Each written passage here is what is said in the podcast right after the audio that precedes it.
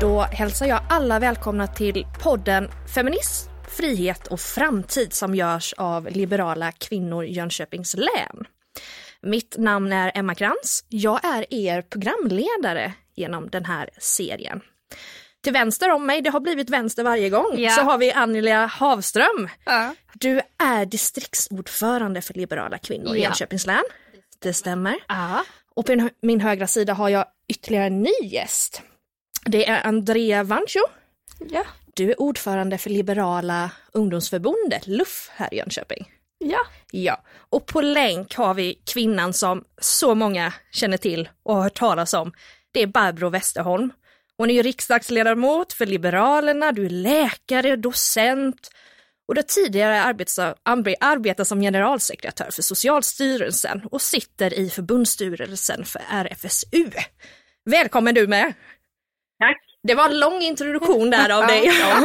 det var det. Ja, ja, men jag har levt länge också så Absolut. det är inte så konstigt. Nej, nej, precis. Jag hin hinner fatt en vacker dag kanske. Eh, ja. Det hoppas jag. ja, det hoppas jag. Precis. Dagens avsnitt ska handla om sex, sexualpolitik, könsidentitet med mera. Allt som ryms inom det begreppet. Mm. Och jag drar igång direkt med en, vissa kanske tycker att det är en djärv fråga, lite provocerande, men frågan är, får man älska den man vill? Och då ställer jag frågan till Barbro. Ja, självklart. Så länge man inte skadar någon annan så måste man ju få älska den man vill. Oavsett om den är motsatt kön eller samma kön eller komma från någon annan del av världen och så vidare och så vidare. Det är individuellt och det ska vi bejaka. Kärlek är ju någonting som eh, vi har ont om ibland. Och det ska vi ju bejaka för det är så berikande i livet. Mm. Mm. Någon annan här i studion som vill flika in? Mm. Ja, men, det, men precis när vi satsar och förberedde lite vad ska, vad ska vi prata om så är det så här, men är den frågan nästan lite för konstig? För det är klart man får älska den man vill, men vi sa vi tar med den ändå för att det är ju faktiskt kanske inte för alla självklart att man får älska den man vill. Men, men, men svaret är ja, det får man. Mm. Andrea, vad, vad vill du tillägga något? Eh, ja, alltså det är ju såklart jätteviktigt att man får älska vem man vill. Det, det är som du säger inte självklart överallt. Det kanske det är för vissa, men eh, ja, det är väldigt viktigt att man får fram det, att det är okej. Ja, om jag får flika in. Jag menar, det, jag mötte det ju mest när det gällde hbtq-situationen 1979. Men idag har vi ju hederskulturerna, både i Sverige och internationellt. Och här far ju så många så illa på grund av den här kulturella synen på vem ska man få gifta sig med, vem ska man leva med och så vidare. Mm. Så här har vi liberaler ett jättejobb att göra. Mm. Mm. Precis, det tänkte jag komma in på lite senare där. Och varför den här frågan kanske kan vara lite jobbig, det är ju för att vi, för oss här så är det väldigt självklart att man ska få älska vem man vill. Men det finns ju krafter i samhället, det svenska samhället, som inte tycker att det är okej och eh, identifierar sig som varken man eller kvinna till exempel, eller inte får älska vem man vill av, det kan vara religiösa skäl eller en del politiska skäl. Så därför tog vi upp frågan här. Men Barbro, det hände någonting på trappan vid Socialstyrelsen 1979. Vad hände där för de som kanske inte har koll, ungdomarna här? Nej, alltså, jag hade ju då varit generaldirektör en dryg månad och eh, de hade talat om för mig att RFSL, eh, då, eh, organisationer för homosexuella, hade börjat med på sommaren att ha något som hette frigörelseveckan. Det är alltså föregångaren i Sverige till Pride. Och eh, att de hade någon aktivitet speciellt under den här veckan.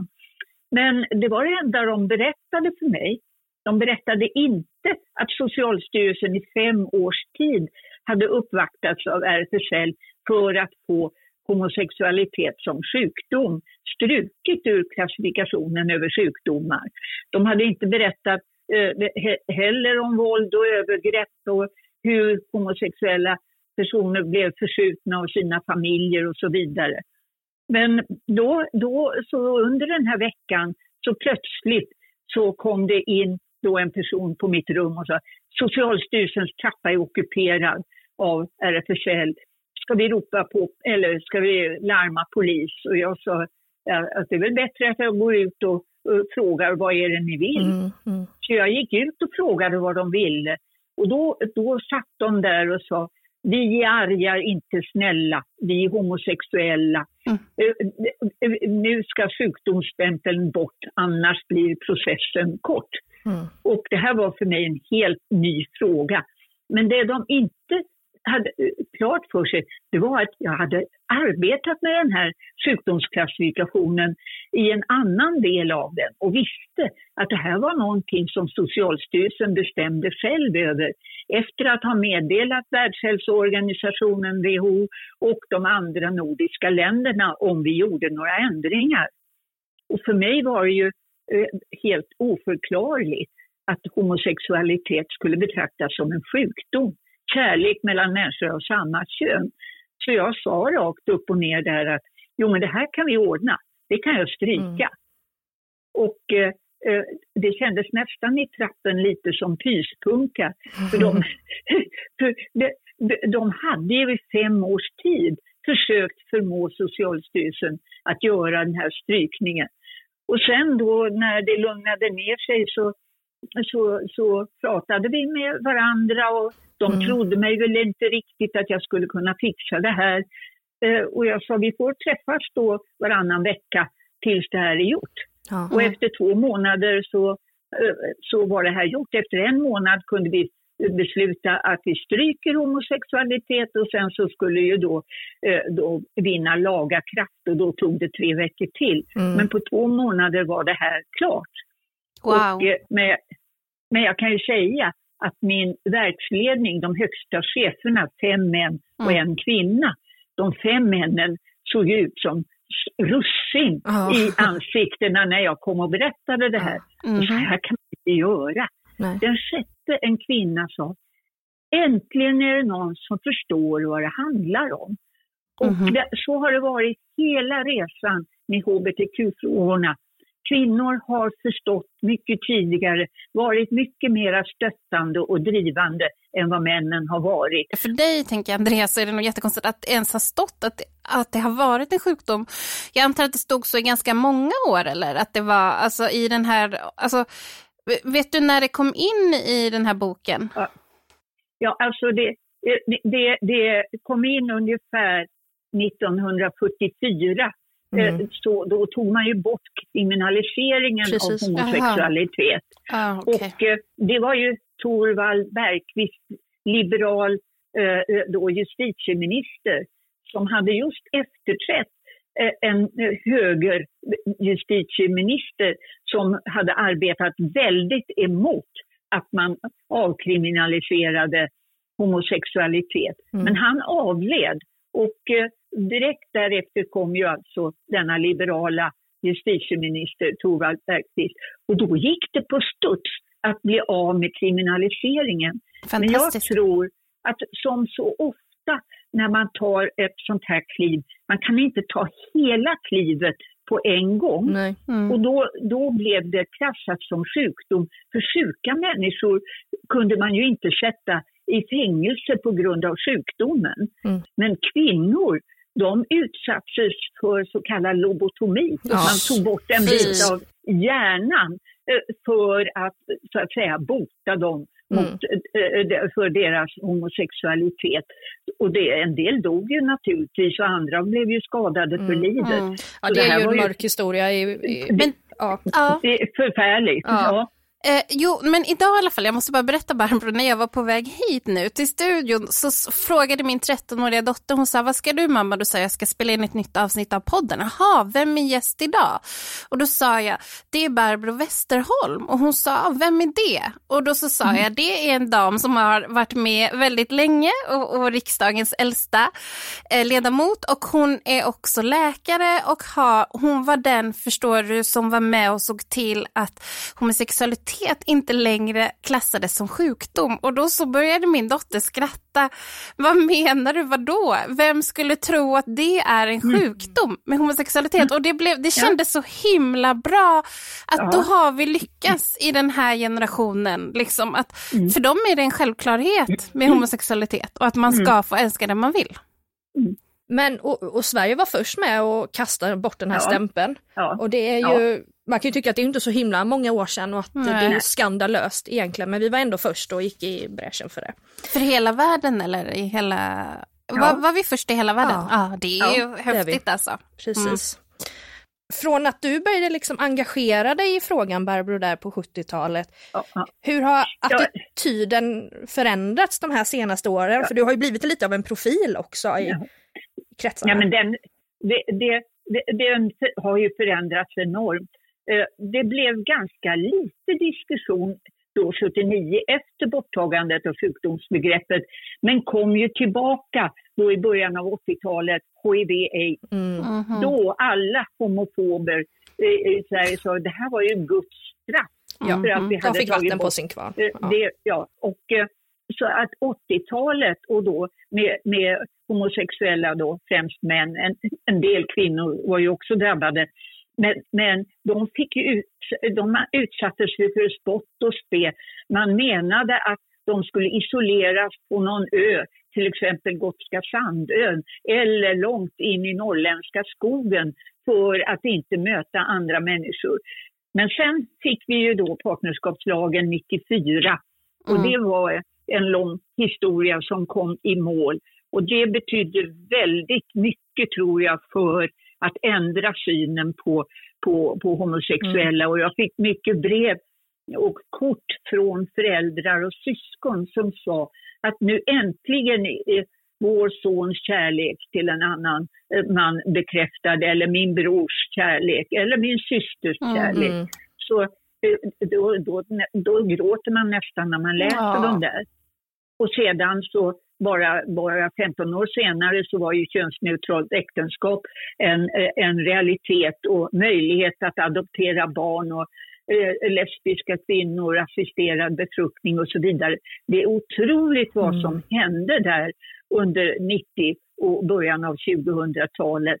Och, eh, och sen naturligtvis fortsätta med den homofobi som ändå finns Mm. På många håll i Sverige när man skrapar lite på ytan så kommer den fram. Mm. Och sen internationellt, mycket att göra för att vi har det ju bra i Sverige. Men ta Uganda och andra länder med dödsstraff och mm. eh, fängelsestraff och man blir, blir förskjuten på alla möjliga Usch. Mm. Ja. ja, för vad kan vi lära resterande delar av världen? Eh, ja. Vad kan vi göra? Hur kan vi få... Ja, eh, ja. ja vi, vi, kan ju berätta hur vi har gjort. Jag har varit i brasilianska eh, då, då parlamentet och berättat till exempel. Och sen stötta eh, hbtq-organisationerna i de här olika länderna när vi kan börja resa igen, åka och vara med i deras Pride-tåg och, eh, mm. och sen berätta hur vi har gjort.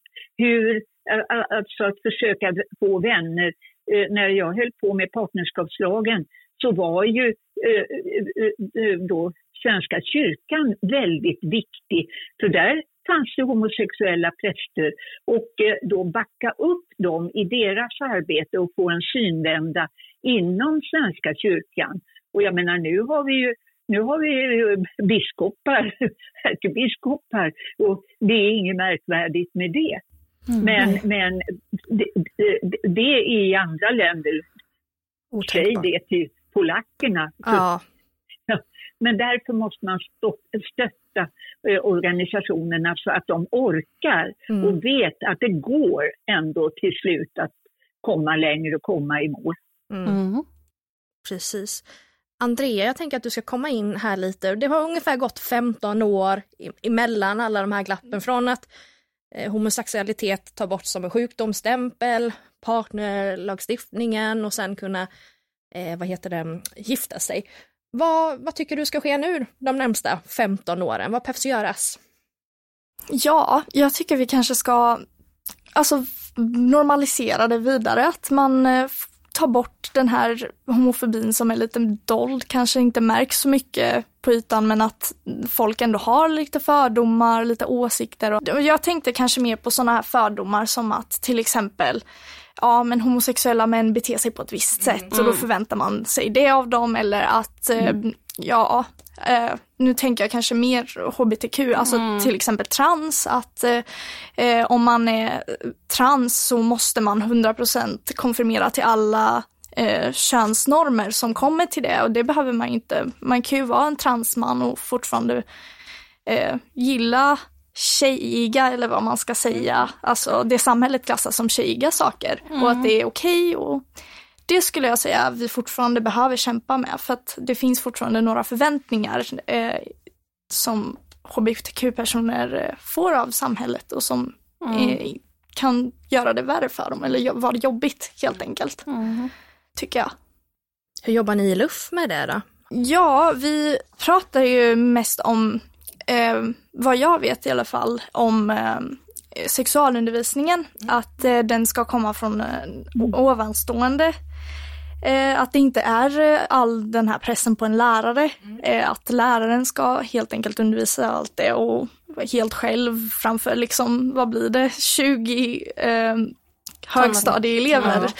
Eh, att det kan vara jobbigt och att man istället ska ta in någon utomstående från till exempel eh, RFSU eller mm. från ungdomsmottagningen mm. eller vad det nu är som liksom har specialiserat sig på just detta och kan vara eh, lite mer inkluderande också, att det inte bara är mer, eh, mm. Det tycker vi. Ja, för många anser ju att eh, sexualundervisningen har varit väldigt bristfällig de senaste åren. Mm. Somliga får knappt någon alls, andra talar mer mm. om liksom könets anatomi och sen är det ja. inte så mycket mer. Eh, Barbro, du säger ja mm, här, jag förstår att du vill flika in med något där. Ja. ja, jo, för det är klart att när abortlagen kom 1975, då fick vi i Socialstyrelsen och eh, Skolöverstyrelsen hette det visst, i uppdrag att ut i skolor, ut i ungdomsverksamhet för att berätta hur kan man skydda sig mot oönskad graviditet och så. Och eh, det, det, det var ett väldigt sug och det vi gjorde det var att vi lät sätta upp fem olika pjäser med hjälp av fria teatergrupper som spelade alltså som samtal eh, mamma, dotter, eh, då, mm. pappa och, och, eller lärare.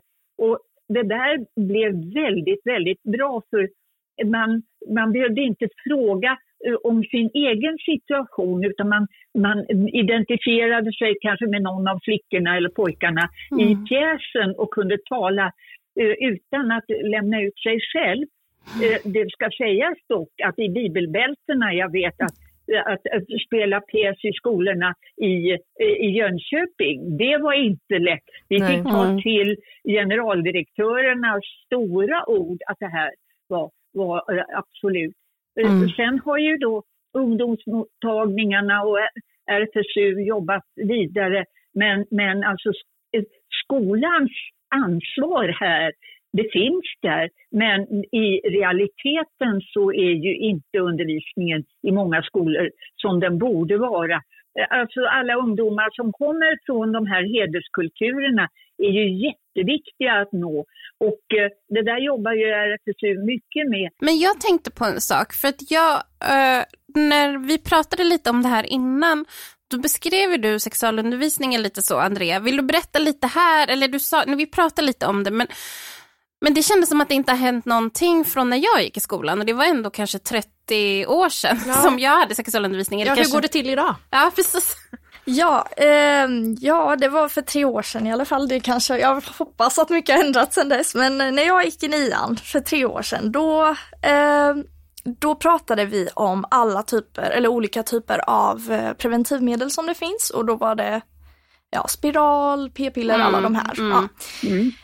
Eh, och sen fick man se någon video från så här, eh, ja, någon, någon dokumentär om mm. hur sex går till och då var det animerat fick man liksom se och då var det bara heterosexuell sex. Mhm. Eh, så bara hur man skaffar barn typ. Mhm. Eh, och sen fick man gå och separera tjejerna och killarna. Och så fick tjejerna prata om, eller vi då, vi fick prata om ja, hur man ska typ ha hygien eller så här, Mm. underhålla hygieniskt eh, sina, ja, sig själv, sitt könsorgan liksom. Mm. Sen var det det. Sen var det slut i princip. Det var det. Ja. Och det var ingenting om känslor och sådär eller? Nej, och det tycker jag är dåligt. Det finns liksom så mycket mer man... Ja, alltså vi fick ju lägga till massa frågor. Eh, Det var en sån här frågebox och så fick man svara och det var typ... Ja men det var massa frågor i och så fick man inte riktigt svar på dem och så fick, sen när man liksom, har man ju fått svar på dem själv genom typ Youtube eller så här, eh, själv att man har sökt upp och det, det var nästan som att man, in- alltså lärarna inte ens själva hade svaret eller att det var lite konstigt för dem att svara för oss. Varför tror du det? Vad- är? Har de bristande kunskap eller tycker de att det är lite jobbigt att tala om ämnet inför ungdomar eller? Ja, alltså vissa, jag tror det var lite jobbigt kanske för, det beror på frågorna för typ, eh, det var en fråga som kom upp om hbtq-sex och den visste de inte hur man svarade på. Mhm. Eh, sen var det en fråga om njutning eh, och den var det lite så här, ja, lite stelt typ att de inte vågade Mm.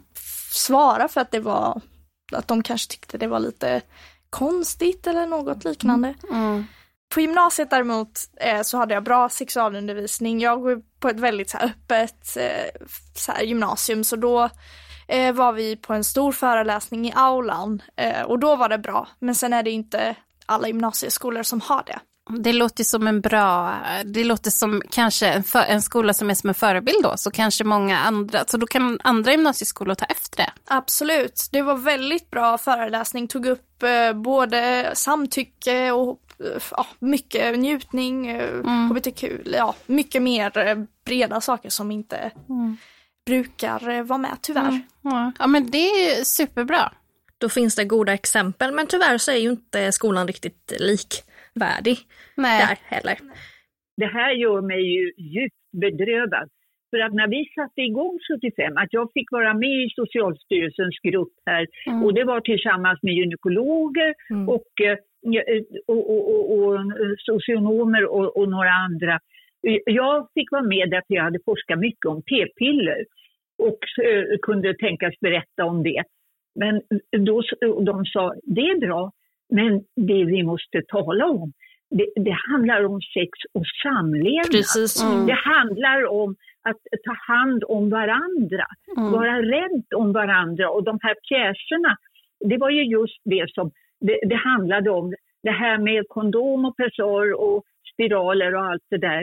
Eh, Det, det är teknikaliteter, men det är det här visa ömhet mot, varandra och ta ansvar för varandras hälsa och allt det där. Det är ju det som är så viktigt i sammanhanget. Och då blir jag ju väldigt ledsen att höra Mm. att man är på samma nivå som när jag gick i skolan. Mm. Då, då satt det rådnande lärare och talade om blommor och bin. Mm. och, och så lite grann om kondom och pessar, för det var Mm. vad vi hade då. Men, men, men, det du berättar här, det, det känns väldigt tekniskt. Mm. Och det är där jag tror att just RFSU, ungdomsmottagningarna, några som är väl, var väldigt duktiga och har varit det i långliga tider, det är ju barnmorskor som har ägnat sig åt just det här området. Det, det, med en inlevelse. Gynekologerna är inte alls lika duktiga på det. Men, men barnmorskorna eh, har tagit det här till sig på väldigt många håll. Mm. Mm. Så det här är någonting som vi liberaler måste jobba med nu. Mm. Anja, jag tänker du har ju fyra barn, Mm. eh, några tonåringar. Ja. Och du får höra de här berättelserna från Andrea och även Ja. jag har ju inte så heller så... Alltså jag har ju liksom haft mycket, eller har mycket större förväntningar på sexualundervisningen i skolan. Jag trodde ju exempelvis att det var kanske samhällsläraren som var inne och pratade om det, men då sa du till mig Andrea, nej men det är biologiläraren. Och, och då tänker jag direkt när jag drar mig till minnes min biologilärare från när jag gick i skolan, då tänker jag så här, men det var kanske inte rätt person för att prata om sex och samlevnad. Så att jag blir ju också liksom lite förfärad, för jag vet ju också hur mycket Alltså för, för det är inte som att om, om, om barnen inte får den kunskap de behöver i skolan, då går ju de till andra kunskapskällor. Och det gör mig väldigt orolig faktiskt. Just det här äh, med att det finns så väldigt mycket på nätet att ta reda på och där kan det ju liksom också bli helt fel. Andrea, hur, hur gjorde du och dina jämnåriga? Gick ni då till nätet och googlade på det ni ville ha svar eller pratade man med ett äldre syskon eller? Ja, eh, det, ja alltså jag känner typ att, för jag har pratat om det här, jag kommer inte ihåg exakt vad jag gjorde, men jag pratade om det här med min bästa vän för inte alls länge sedan nu när det mm. eh, Och då sa vi typ att man förstår ju ändå att så här, nätet var inte riktigt den bästa källan. Mm. Att man fattade ändå det. Eh, I alla fall när det kommer vissa källor som typ porr och sånt, då fattar man ju att det här är inte så det är. Men eftersom man ser det liksom eh, Alltså att även det fastnar lite omedvetet och att mm. så här, man kanske ser det om flera gånger, då blir det att man tänker det här är normalt, även fast man kanske medvetet vet att det inte är normalt. Men tror du att alla förstår det? Du och din kompis då förstod ja, ju det. vi pratade om det i alla fall. Ja, alltså jag tror ändå att de flesta förstår att det inte är så här det går till hela tiden, men att man ändå, att man ändå typ tar med sig det, att man ändå blir chockad när det mm. inte är så, fast man vet om det och att man, att, att man vet det, men sen när man har vant sig vid det här så blir det en chock ändå fast man är medveten om det. Jag vet inte, mm. det känns som jag förklarar jättedåligt nu men, Nej, men eh, det, att man har vant sig vid det typ så att det blir ändå chock även fast man är medveten om att det inte är så. Mm. Eh, och att man fortfarande har den här bristande kunskapen mm. för att man vet att det inte är exakt så som det är, typ. Nej, och för, nej men precis, och för alla kan ju inte prata om, om sex och samlevnad hemma heller. Det var ju du Barbro inne på, just att det kanske är i vissa familjer lättare att prata om sånt än vad det är ja. för andra. Så det är ju ett väldigt allvarligt problem då. Ja, Andrea. Ja, förlåt, jag hade... Nej, jag kom på, för jag eh, kommer ju från eh, Rumänien och mina föräldrar är båda rumänska och så. Eh, och där hade de väldigt bristfällig eh, sexualkunskap. Men mina föräldrar försökte ändå vara så här rätt öppna om det. Men i och med att de hade bristfällig kunskap så fick ju jag massa bristfällig kunskap mm. eh, i mig också. Och då mm. blev det ju att man trodde, ja det kommer ju från min mamma, då borde det ju vara mm. sant liksom. Hon vet ju vad hon snackar om. Mm. Men det, då blir det ju att man får ännu mer dåligt så här, mm. bristfällande information. Vad, vad har du för synpunkter på vad, vad behövs, vad kan vi göra bättre och vad behöver mm. det talas om då? Eh, samtycke, väldigt viktigt. Det, jag blir, alltså, nu när jag tänker till, det är så sjukt att vi inte har pratat om det, för det kan gå så fel om man inte lär sig om det. Mm. Samtycke, mm. Eh, mm. mer hbtq. Eh, och som du sa Barbro, samlevnad, att man lägger mer vikt på det, att det också är viktigt. Eh, och ja, mm. det är väl de eh, huvudsakliga sakerna jag tänker på. Och just det, njutning också, att man mm. vågar prata mm. om det. Att det inte mm. ska vara någonting som är pinsamt eller som vi ska vara rädda för, utan att man vågar mm. prata om det. Och vad kan Liberalerna göra då för att driva på en och vad gör vi? Ja, ja vad gör vi i första hand? Ja, men det, det, det är ju klart att skolan har här en väldigt viktig roll och ungdomsverksamhet, ungdomsmottagningar som ju eh, försvinner lite här och var. Alltså vi kan göra väldigt mycket på det kommunala planet här. Vi ska eh, kanske inte sitta i riksdagen och, och ta fram eh, läroplaner, men alltså ni har ju i, i er kommun en viktig roll och just eh, ta reda på hur är det med undervisningen nu och sedan driva fram att det blir, eh, blir en vettig, Eh, vettig verksamhet i skolan, ungdomsmottagningarna, eh, ta vara på att RFSU finns och, och, och skriva om det och, eh, ja, och prata, prata med, med, med människor. Prata med ungdomarna i skolan så att man är helt uppdaterad. Vad, hur ser det ut just nu? Jag tror att det här är mycket man kan göra lokalt ute och eh, jag märker ibland i, den, i vår politiska verksamhet att det blir för mycket, ja, ni i riksdagen, vad gör ni? Och då säger jag att det är väldigt mycket man kan göra utan riksdagsbeslut i, i, centralt, utan gör det som lyssna, vad är det som behövs lokalt och så gör det.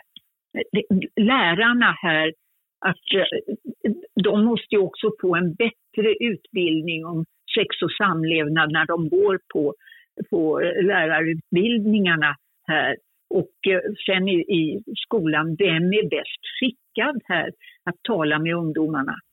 Och här mm. tror jag ju faktiskt på att kanske bjuda in utomstående.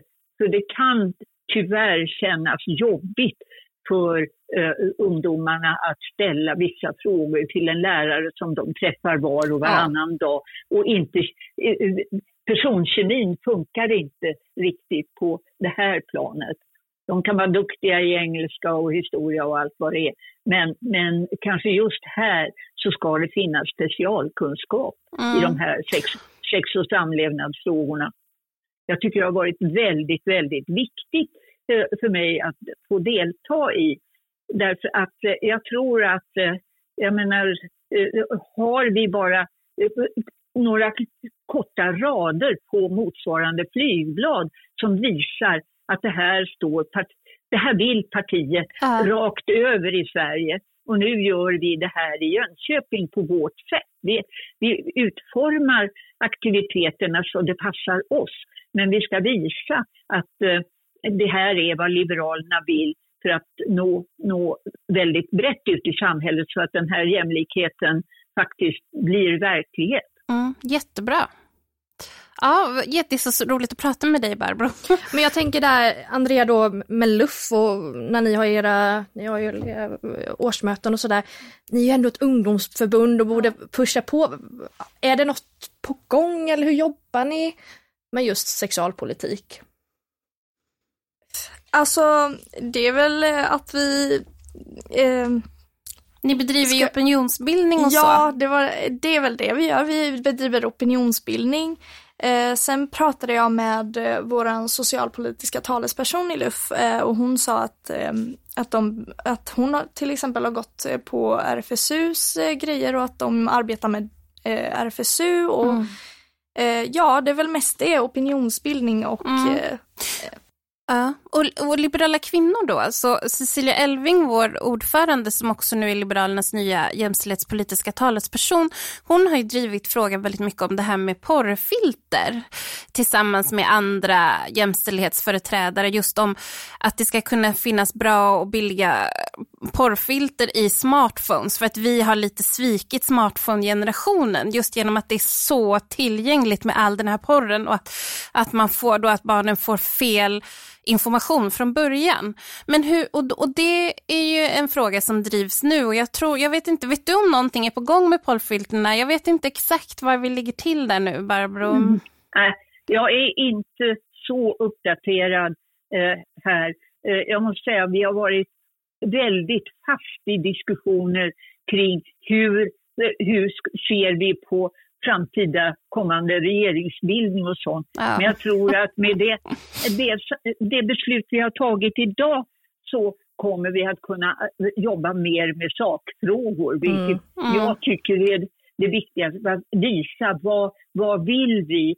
Och eh, vi ska visa framtidstro på att förändringar är möjliga inom en rad av de här områden som är lite knepiga att mm. ta itu med.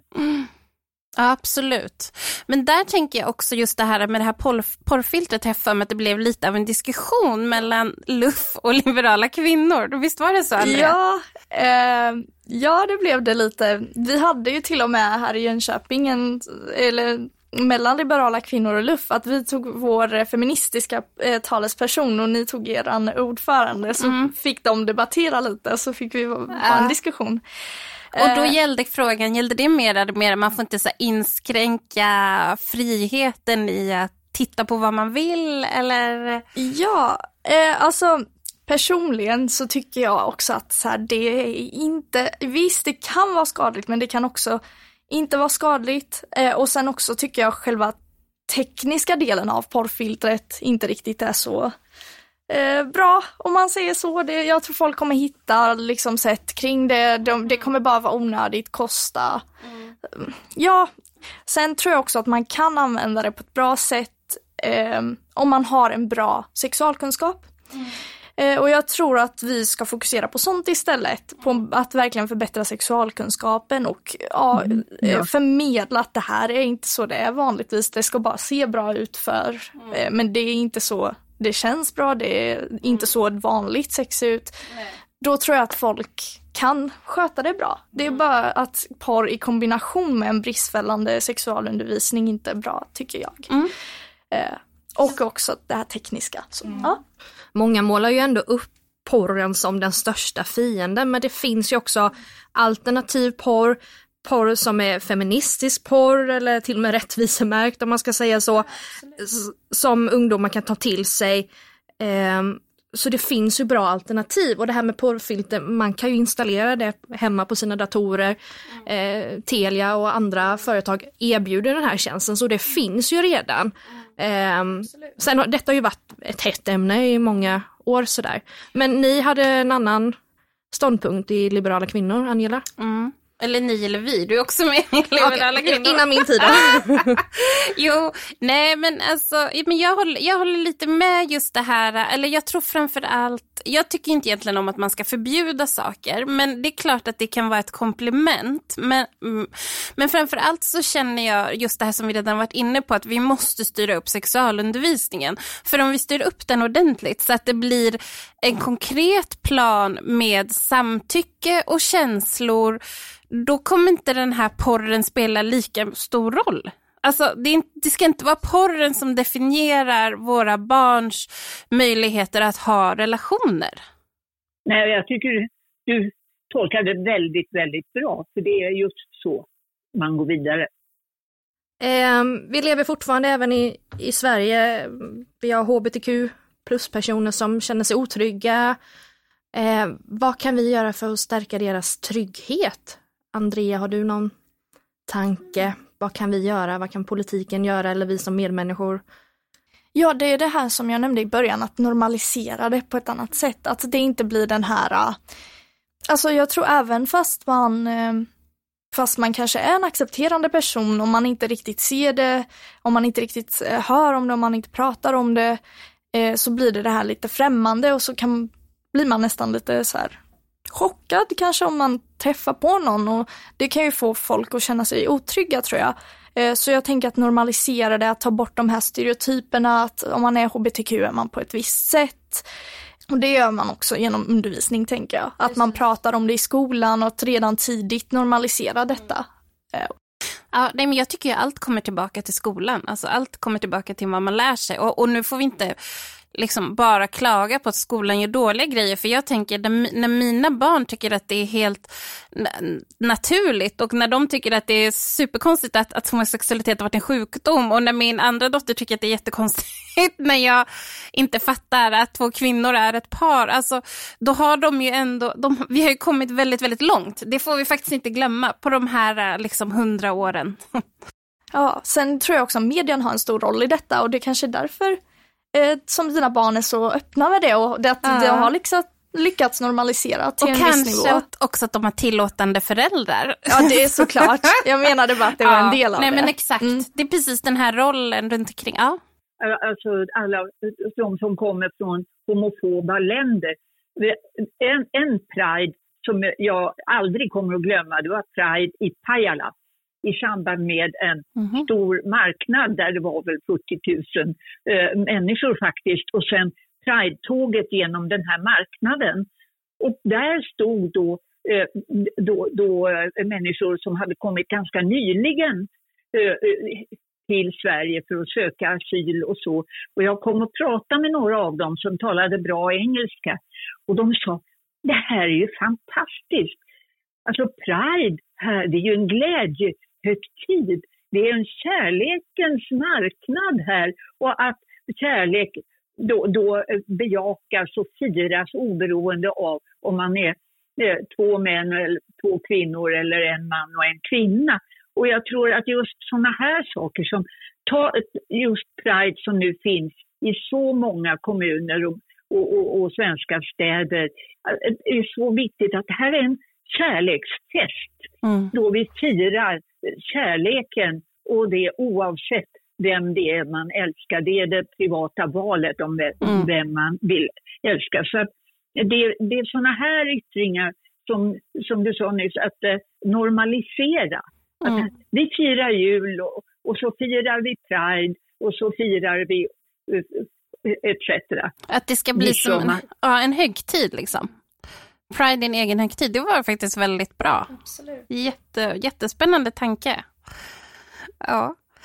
Jag hade en till fråga till Barbro. Ja, men absolut, kör jag på. tror att jag är kör på, ja, Jag tänkte bara, jag blev så himla nyfiken för att alla lyssnare kanske inte vet, vet det då, men, men vi bor ju, eller vi bor ju i Jönköping, det vet nog de flesta vid laget, men att Jönköping kallas ju bibelbältet, eller liksom den här regionen kallas för bibelbältet. Så det var ju lite roligt där att du nämnde eh, bibelbältet tidigare när vi pratade. Kan du bara berätta, alltså hur gick det? För jag tänker ju ändå, det har hänt, jag, jag kommer från Stockholm från början, men jag har bott här i, i 17 år och det har hänt väldigt mycket bara på den tiden och givetvis har det hänt mycket, mycket mer sedan 1970 95 var det när ni, när, när ni var ute och skulle informera om aborter. Men berätta lite bara, hur, alltså hur gick det då med bibelbältet? Kom, fick ni komma ut till slut och göra de här teatrarna, pjäserna? Ja, ja, det fick vi till slut, men det blev med tvång att Skolöverstyrelsen och Socialstyrelsens generaldirektörer påbjöd det här. Och det kändes i luften, tror jag, här eh, hos er att det kan bli vite om inte vi ställer upp på det här. Mm. Men sen så har det ju skett en väldig förändring mm. då på 70-talet att eh, då tror jag inte man hade kunnat tänka sig Pride i Jönköping. Nej. Men nu finns ju Pride och jag har varit på Pride i Jönköping mm. och massor av folk och glädje och så.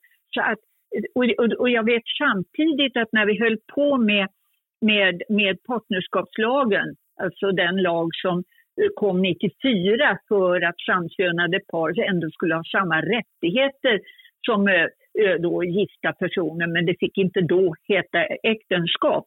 Så var det ju två liberaler som kämpade om riksdagsplatsen så att säga. Den ena motades bort därför att hon drev då partnerskapsfrågan medan konkurrenten hade motsatt uppfattning. Mm. Så att i, i, i, vårt parti, och jag skulle säga att i, i vårt parti så var det ju väldigt kluvet.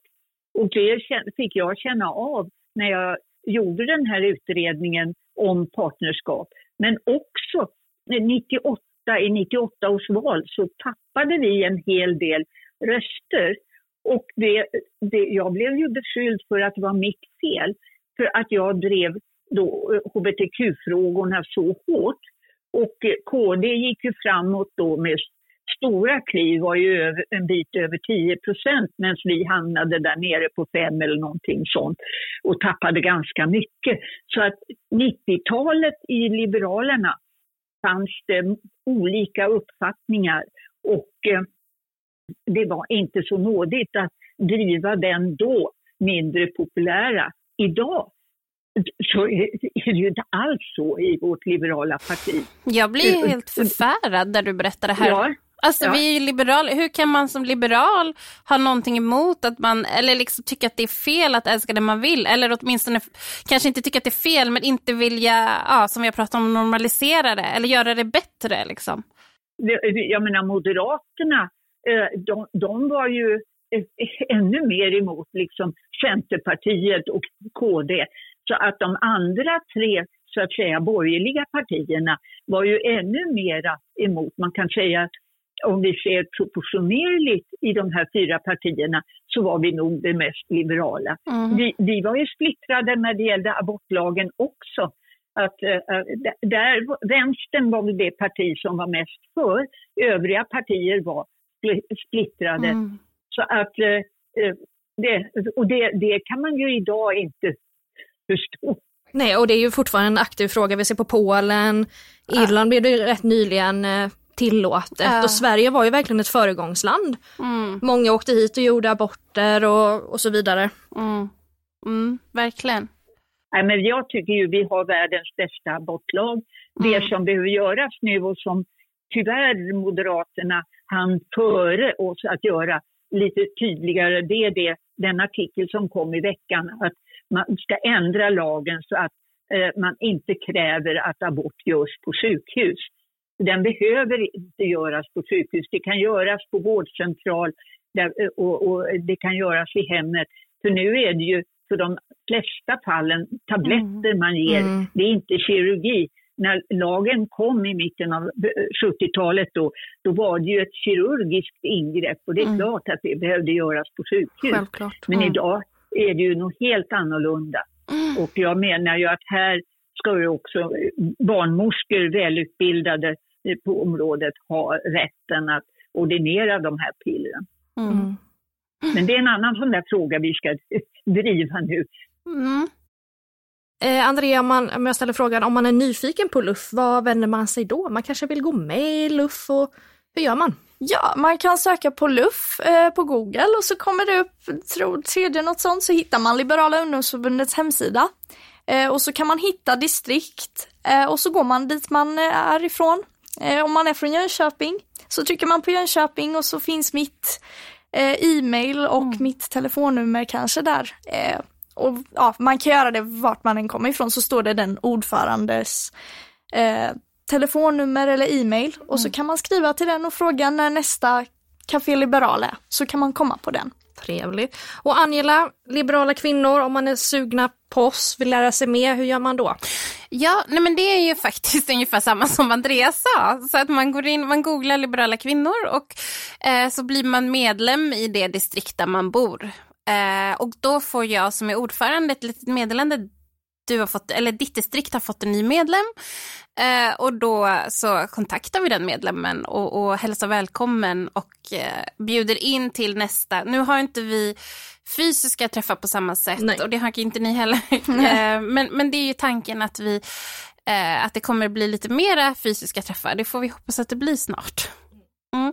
Men jag hade bara en sak innan vi slutar. All right. Mm. Uh, eh, alltså Barbro, om man skulle så, sammanfatta tre viktiga liberala saker, eller tre liberala frågor som vi har drivit och som vi har varit framgångsrika i när det gäller de här områdena? Naturligtvis abortlagen. Sen är det ju också att det blev ett könsneutralt äktenskap 2009 för hbtq-personer.